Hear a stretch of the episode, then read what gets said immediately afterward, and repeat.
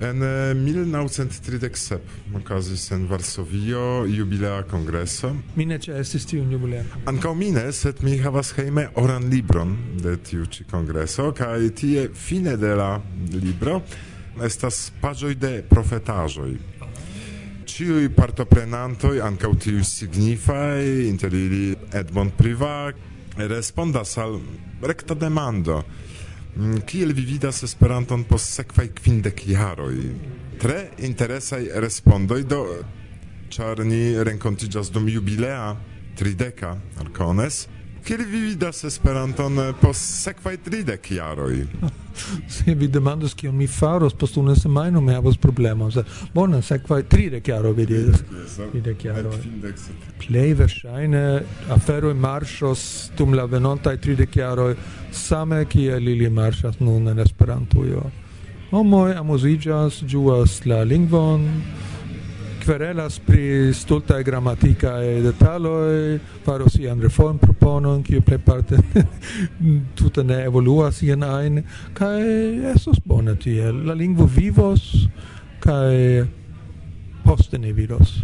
Erkones dauras kai ti estas de vi aŭskultantoj sendube aŭdebla cara kion vi desirus diri al ciui kiu interesigas pri gramatiko kai lingvo por ili estas uh, grava afero pri la grammatico mi esa simple tio mm, focusita nur al finado de la nova versio de Pomego. Mi esa tie en, en tiom mm, stranga en harfendajo en de, de la perfektigado de tio texto ke mi havas problema meti min en la capon de ordinara homo che usas la lingua che io mi pli de extere vidas grammaticon. Sed eh, grammatico esas helpilo ĝi ne celo cioè mi mem preferas lerni lingvon sen pensi pri gramatiko. La germana estas lingvo kio faridis grava por mi, ĉar mi ekloĝis en Germanujo, kaj mi lernas la germanan tute sen pensado pri gramatiko.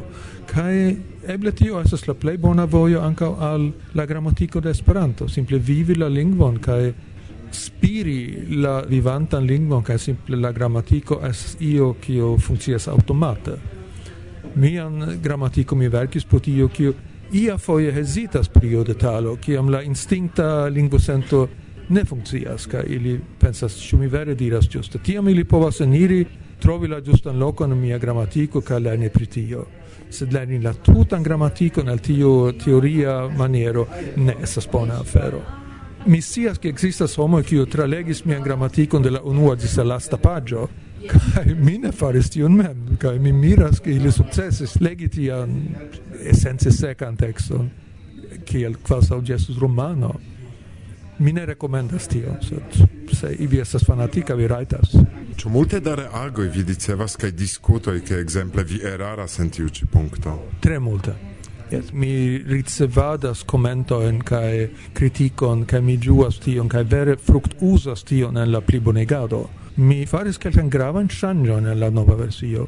Eh, pri iuj detaloj mi komplete renversis mian starpunkton pro kritiko de aliaj dum jaroj. Do mi ne estas ŝtonkapa homo, sed mi skribis ion, poste konstatas, ke tio eble ne estis tiom saĝa, mi ŝanĝas. Ŝli, do ŝi kaj li tio estas interesa unua demando kaj mi ne scias ĉu vi aŭdis kantojn de Guillaume Ri. Yes, mi bone konas kiom kaj origine mi menciis tiajn ideon en pomego en la origina eldono tre negative. Nun mi havas pli molan startpunkton, ĉar mi konatigis kun homoj kiu uzas tiun novajn ideojn, esence reformitan formon de la lingvo, kaj ili uzas precipe ri. Sli uzantojn mi ne konas vere mi havis longan conversacion kun homo ki uzas tion novan vorton ri kaj mi konstatis ke ne estas tiom katastrofa ili uzas sian formon de Esperanto mi uzas mian fundamenta klasikan kaj ni bone interkompreniĝas do eble mi unue tro drame prezentis tion kvazaŭ estos stultaĵo estos krizo. Ankaŭ povas ekzisti tiaj ĝargonoj alispecaj, la mondo ne pereas pro tio ciu tiu afero vere popularigios en la estontezo mi ne scias. Sed existas homo kiuj uzas gin kaj estas multa tre simpatiaj homo eĉ. Do mi moligis en mia starpunkto, mi praktike akceptas tion. Jes ankaŭ al mi ekplaĉis gedormi, kvankam tio estas absolute kontraŭregula, sed eh, gedormi Estas en ordo, ĉu? Jes, gedormi estas ŝerca vorto kaj kiam oni ŝercas oni povas fari ion ajn kontraŭ ĉiu regulo, prefere kontraŭ ĉiu regulo, estas pli amuze tiel. Do tio estas ŝercaj reformoj, ne estas reformoj, estas ludo per la lingvo, ĉio estas permesata. Do fakte tiu lingvo ebligas multajn kombinaĵojn, kiuj ne estas en uh, niaj naciaj lingvoj, do pro tio mi pensas, ke ni kiel esperantistoj, kiuj ŝatas la lingvon, amas la lingvon kaj interesiĝas pri ĝi, simple inventas multajn ĝargonajn kaj ŝercajn esprimojn porque la lingvo estu pli mm, eble nia, simple nia, ĉu ne? Tion impreson mi havas.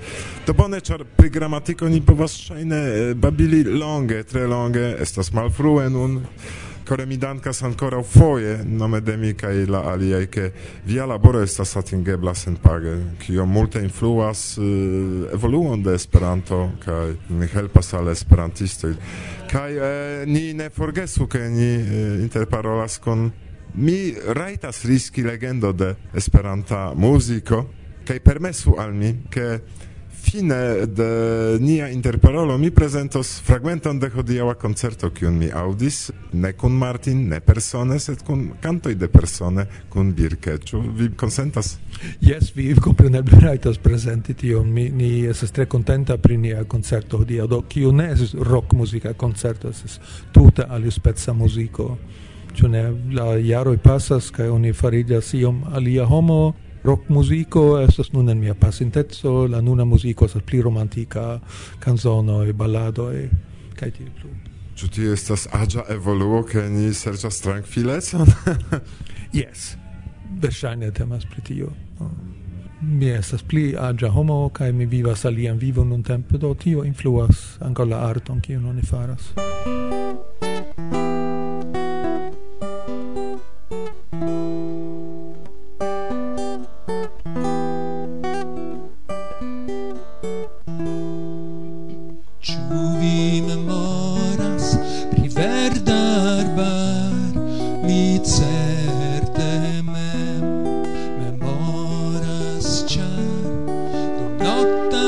me.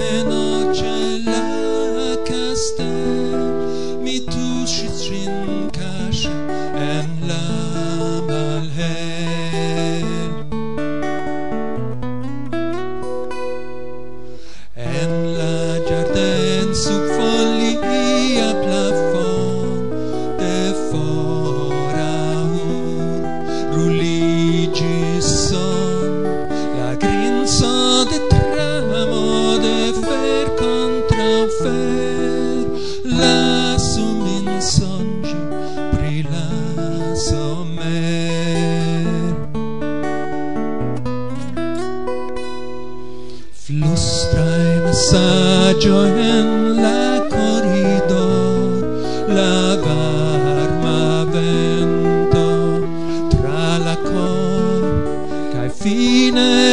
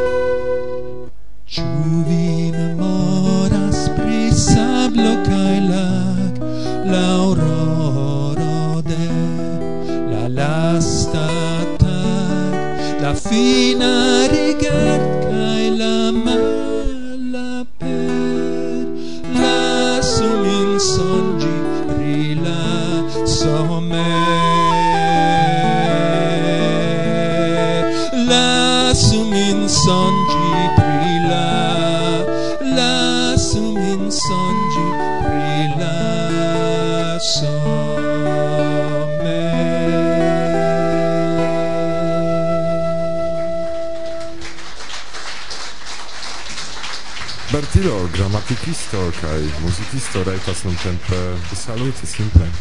Mi salutas la tutan Esperantan mondon kaj mi volas instigi ĉiujn uzi la lingvon kaj ĝui la gioion de vivanta iom alia lingvo do giu esperanto en via vivo Grandan con pro tiu bela intervjuo kvankam estas malfrue kai cion bonan al vi sukceson kai estu ni sanai. Yes, mi, mi dankas, estis vera plezuro, dankon.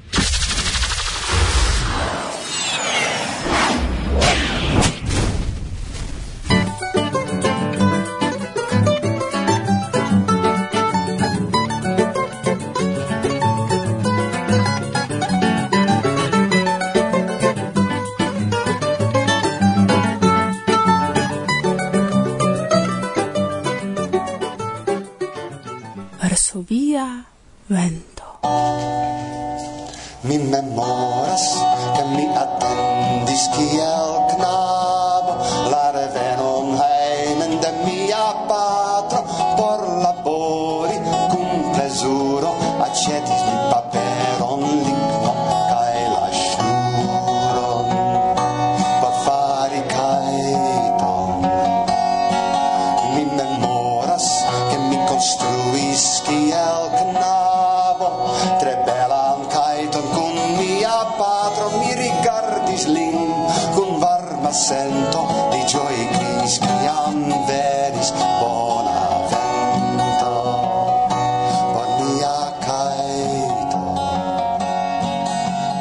Saluton, mia nomo estas Zsófia Korodi, mi estas kunlaboranto de Interkultura Centro Herzberg en Herzberg am Harz la Esperanto urbo. La unua arcones, fakte mi ne memoras, mi ofte venas al Poznano pro la interlingvistikaj studoj, ekzameni ĉi tie la kandidatojn partopreni diversajn sciencajn eh, fakprelegojn kiel nun la interlingvistikan simpozion kaj aldone Arcones estas ĉiam iu perlo, ĉu ne, al la programaro antaŭ multaj multaj jaroj mi jam estis tie antau du jaroj mi pensas de nove kaj mi ĝojas esti de nove ĉiare en la trideka jubilea Arcones. Saluton, mia nomo estas Petro Silva o Silva, mi loĝas en Herzberg en la Esperanto-urbo meze en Germanio do estas belega etoso aparte mi ĝojas uh, äh, de nova aŭdi la faman voĉon de Susana Eposnano kaj ankaŭ la grupon Kaito kiel mi jam konas ekde pli ol tridek jaroj eble estas jam la dudeka partopreno ĉe Kaito koncerto kaj hieraŭ ili vere absolute fulmante prezentis la kantadon gratulon al vi ĉiuj organizantoj äh, raportistoj filmantoj kaj kuraĝe antaŭen kaj äh, certe vi sukcesos dum multaj jaroj ankaŭ dum la 1930 jaroj certe denove vivos Akones kaj eh, ni revenos sed ankaŭ vivos al la sesdeka Akones post 30 jaroj eh. se vi volas kaj Dio volas.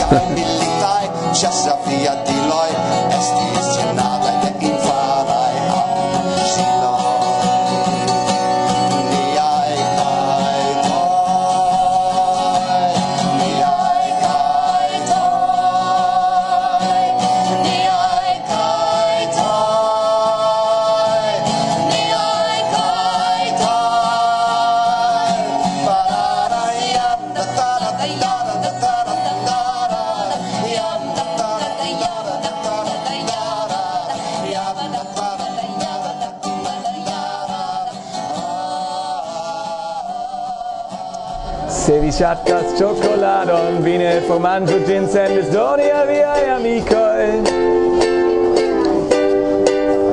Se vi ŝatas ĉokoladon, vi ne formanĝu ĝin sendes doni al viaj amikoj. Mi estis juna knabo, kia mi lernis ke ĉokolado konigas la homojn. Miaj gepatroj instruis min mi vidi kun alia kion mi havas. Ne serĉu la diferencojn inter la gustoj aŭ aspektoj de la pakaĵoj Ĉar en la fin la ĉokolado inter ni estas la grava. Oh, oh, oh. oh oh se vi chatas ciocoladon vi ne manjo gin Sendes doni a viai amicoi ŝatas ĉokoladon, vi ne formanĝu gin sen esdoni e viaj amikoj. Do, saluton al ĉiuj esperantistoj.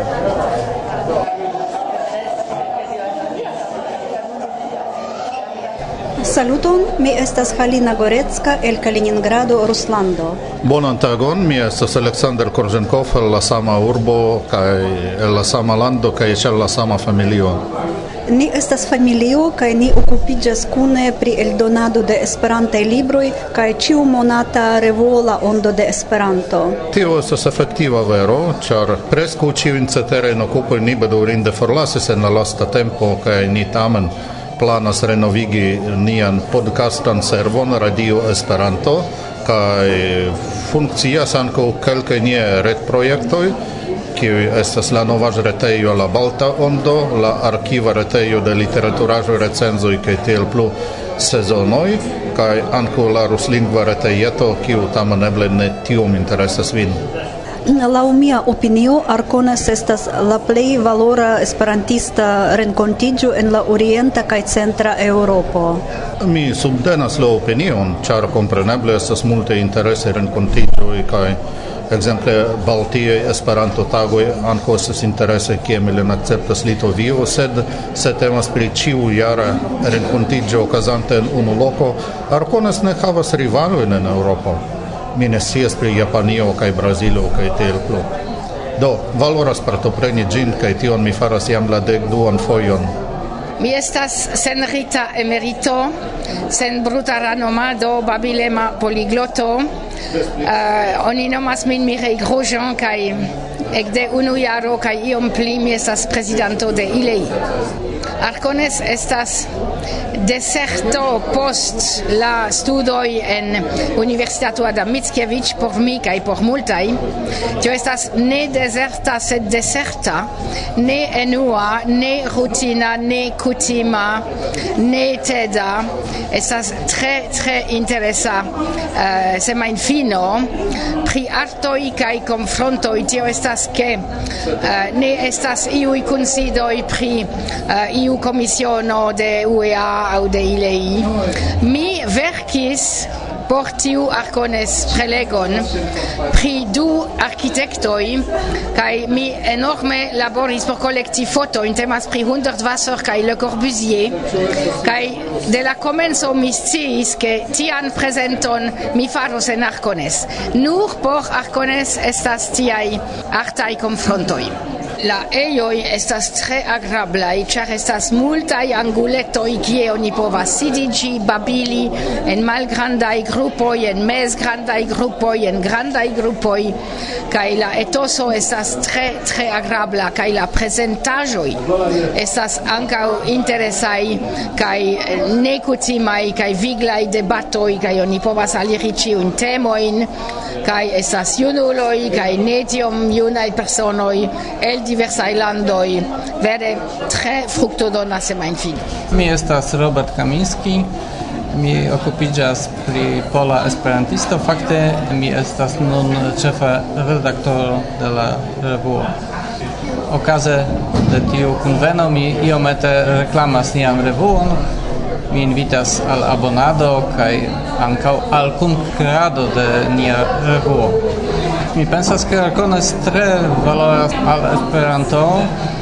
Tiu ĉi aranĝo estas la plej interesa laŭ mia opinio en Pollando kaj eh, multaj esperantistoj venas kun tre interesaj prelegoj, prezentaĵoj kaj tiel plu.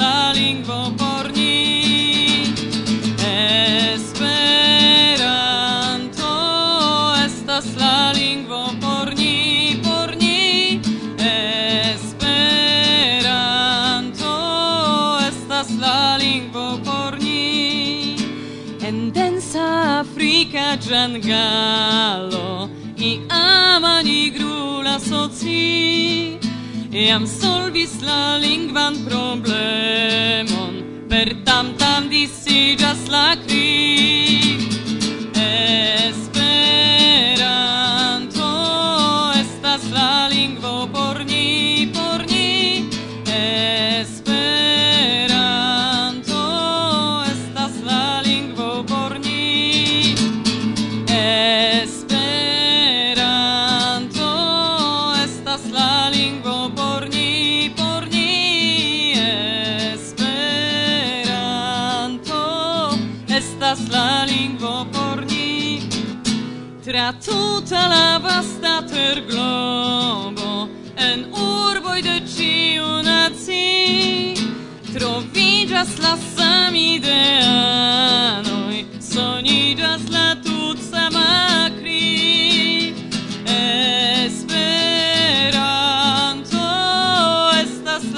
lingvo por ni, por ni Esperanto. Estas la lingvo por ni. Eskimoj, araboj kaj hindoj Junuloj kaj beboj kaj ni. Iam uzas la Zamenhof lingvon Do vivu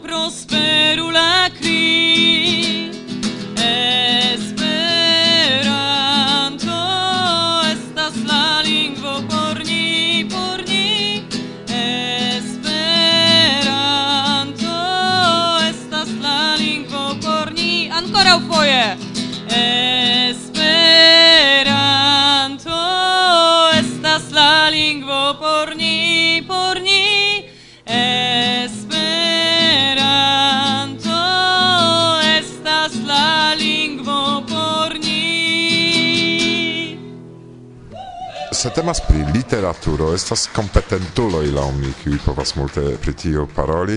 Antaŭ mikrofono de Varsovia Vento estas nun Tomasz Chmielik, kiu ĝuste pri tiu ĉi kampo mm, okupiĝas. Pri kiu libroj vi povas hodiaŭ paroli? Do mi volus iomete reveni en la pasintecon, tio okazis antaŭ du jaroj, ni komencis esperantigi la albanan literaturon.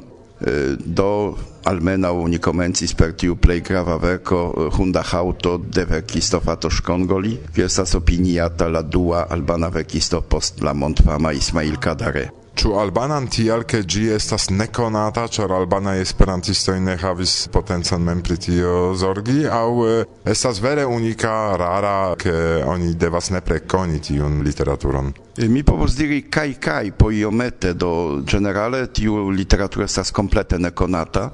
Giuste pro la lingva barriero, la albanan eh, regas ne multaj, ankaŭ mi ne regas la albanan por ke ni estu ĝustaj, sed mi tradukas tra diversaj pontolingvoj, la germana, la franca, la angla, kaj eh, mia amiko Bardil Selimi, albana esperantisto, kontrolas ĉiujn tekstojn, eh, frazon post frazo, poemojn linio post linio, verso post verso, laŭ la lingva ĝusteco Kaj poste nia propleganto estas alia konata esperantisto Istvan Ert, kiu fakte estas la unua esperantista leganto. Kaj poste la afero estas kompostata en Kroatio de Josip Pladin kaj revenas kaj estas eldonata en Pollando. Tia maniere gis nun ni havas kvin libron el albana literaturo, Do mi povas diri, ke pri la pola literatura aperis dum la lasta jaroj preskaŭ nenio kaj dum du jaroj estas kvin libroj pri la albana literaturo, do mi diru en kronologia vico la titolojn. La unua estis Hunda Haŭto de Fatos Kongoli, la dua estis uh, Lulieta Leszanaku, poetino, ŝia poemaro Lundo en septagoj, poste estis rakontaro de Iliet Alička, la sloganoj el ŝtonoj, precipe interesa, ĉar ĝi prezentis la vivon de ordinaraj homoj dum la reĝimo de Enver Hoxha, dum en la komunista tempo, la dulingve eldonita Polino de Bayram Karamboli, kaj la lasta estas la poemaro de la kosova poeto, eble unu el la plej unuaj verkoj de la kosova literaturo en la albana lingvo de la poeto Eĉrem Basha, La mondo estas pejzaĝo en brilaj koloroj kaj estas planataj kompreneble aliaj. Mi esperas, ke printempe aperos tre grava verko, por kiu dum du jaroj ni batalis pri la aŭtoraj rajtoj, Estas la verko de Ismail Kadare, unu el la plej famaj romanoj La Palaco de Sonĝoj. Mi esperas ke ĝi aperos komence de marto. Eldonisto, kiu eldonis la nomo de la eldonejo kaj kie oni povas eventuale akiri, aĉeti. Kie la libroj, pri kiuj vi menciis, estas akireblaj? Do la eldonisto estas pola nekonata eldonisto, estas fakte presisto. Eldonisto estas mi kaj estas Bardil. Do la libro estas certe haveblaj la libroservo de UEA, ĉar ili havas la tutan stokon. La libro estas haveblaj ĉiujare dum Arcones en Poznań, ĉar Paweł en la libroservo havas ankaŭ stokon. Kaj por tiuj, kiuj estas en Pollando kaj volus aĉeti libron, ili povas rekte turni sin al mi, ĉar ankaŭ ĉe mi hejme estas ĉiam stoko. do la ret adreso ni rek povos eh, doni sur la ret de via vento kaj tiam vi povas skribi al mi eh, pri informoj kaj kiam vi estas en aliaj landoj ol Pollando tiam mi povos diri al vi rekte kie la libro estas havebla. Do la libro estas vere ne multe kostaj ĉar mia ideo estas eh, ne tiu ke la libro kuŝas sur la breto dum jaroj kaj polvo kovriĝas la libro devus tuj iri inter la legantojn por veki iun ajn reagon diskuton do mi devas fakte demandi kie kial valoras eh, legi la libroin? Eh, Rakontu, kial vi ekinteresiĝis do tio estas fundamenta demando en Esperanto. Do oni devus legi la libroin, ĉar ĝenerale la esperantista popolo estas la popolo de libro, de vorto. Per tio komenciĝis ekde Zamenhof ĝis la hodiaŭa tempo aperas dekoj da libroj ĉiujare. Mi povus diri ke la esperantista popoleto estas la plej legema popoleto de la mondo char se ni rigardos relative la nombron do la eldon quanto en Esperanto estas ducent tricent exempleroi, kaj ni estas tiom malmultaj en la mondo kaj la eldono por la bona romano, por la bona poemaro en Pollando estas du, tri, kvin mil exempleroi. Do se vi comparos la legan publicon tiun esperantistan eble duon milionan en la mondo aktivan kaj tiun polan preskaŭ dudek milionan Do vi vidas ke ni eĉ eldonas en Esperantujo pli multe kaj ni legas pli multe ol averaĝa publiko en la etnolingvoj. Do kial la albana? Ah, kiel albana. Kion ni povas ekscii kiel legantoj, kion ni povas ĝui? Do oni malkovras la mondon absolute ekzotikan en Eŭropo, ĉar ĉefe tiu literaturo havas du fluojn. Ĝi parolas pri la pasinteco, pri la terura pasinteco, kaj imagu ke en Europo dum jaroj ni havis malgrandan nordan Koreion fakte. Teruran regimon kiu tretegis ĉiujn homajn rajtojn, persekutegis homojn laŭ plej diversaj manieroj. Kai post kiam tiu regimo falis la albana literaturo, tiu verkistoj, juna generacio provas trovi sian lokon en la nova mondo fakte. kai tiu nova mondo, ĉar mi iras al promocio de tiuj tradukoj al Tirana, al Kosovo, mi renkontiĝas kun tiuj verkistoj kun kiuj mi laboras, kio formas aparte interesegan punkton de ĉiu vizito, mi vidas, ke ili fakte provas konstrui sian mondon, provas alivalorigi eh, tion, kion ili spertis pli frue, kun tio, kio venas nun. Kaj giuste tiu proceso, giuste tiu dua fluo, ne martirezza de la albana literaturo, estas la mi ege interesa, char mm, estas tre interesa tiu transiro de tiu epoco de totalismo alla epoco de normala vivo en libero, en democratio. Eh, kaj mi pensas, che giuste pro tio tiu albana literaturo estas ege ege interesa. Kun Roman kiam mi eh, laste parolis pri lia vizito dum la germana kongreso, ni parolis pri la mm, eldono de la libro Zamenhof strato en la germana kaj li tiam rimarkis ke libro servo generale ne fartas bone. Kion vi pri tio? Ĉu vi rimarkas iun krizon? Ĉu vi opinias ke estas komenco de fino de eh, libro legado aŭ iu transforma tempo ke homoj homoj legi ne rekte de la libroj sed de elektronikaj ekzemple mm. Do ciam estas tiu dilemo, ĉu la libro papera, ĉu la libro elektronika. Laŭ mi en Esperanto estas multon por fari, do libroservoj fartas diversmaniere. Laŭ mi eh, tiu libroservo ĉe Universala Esperanta Asocio fartas bonege kaj fakte estas nia plej granda eh, librovendejo en la mondo. Tie oni povas praktike trovi ĉion. Reklamo.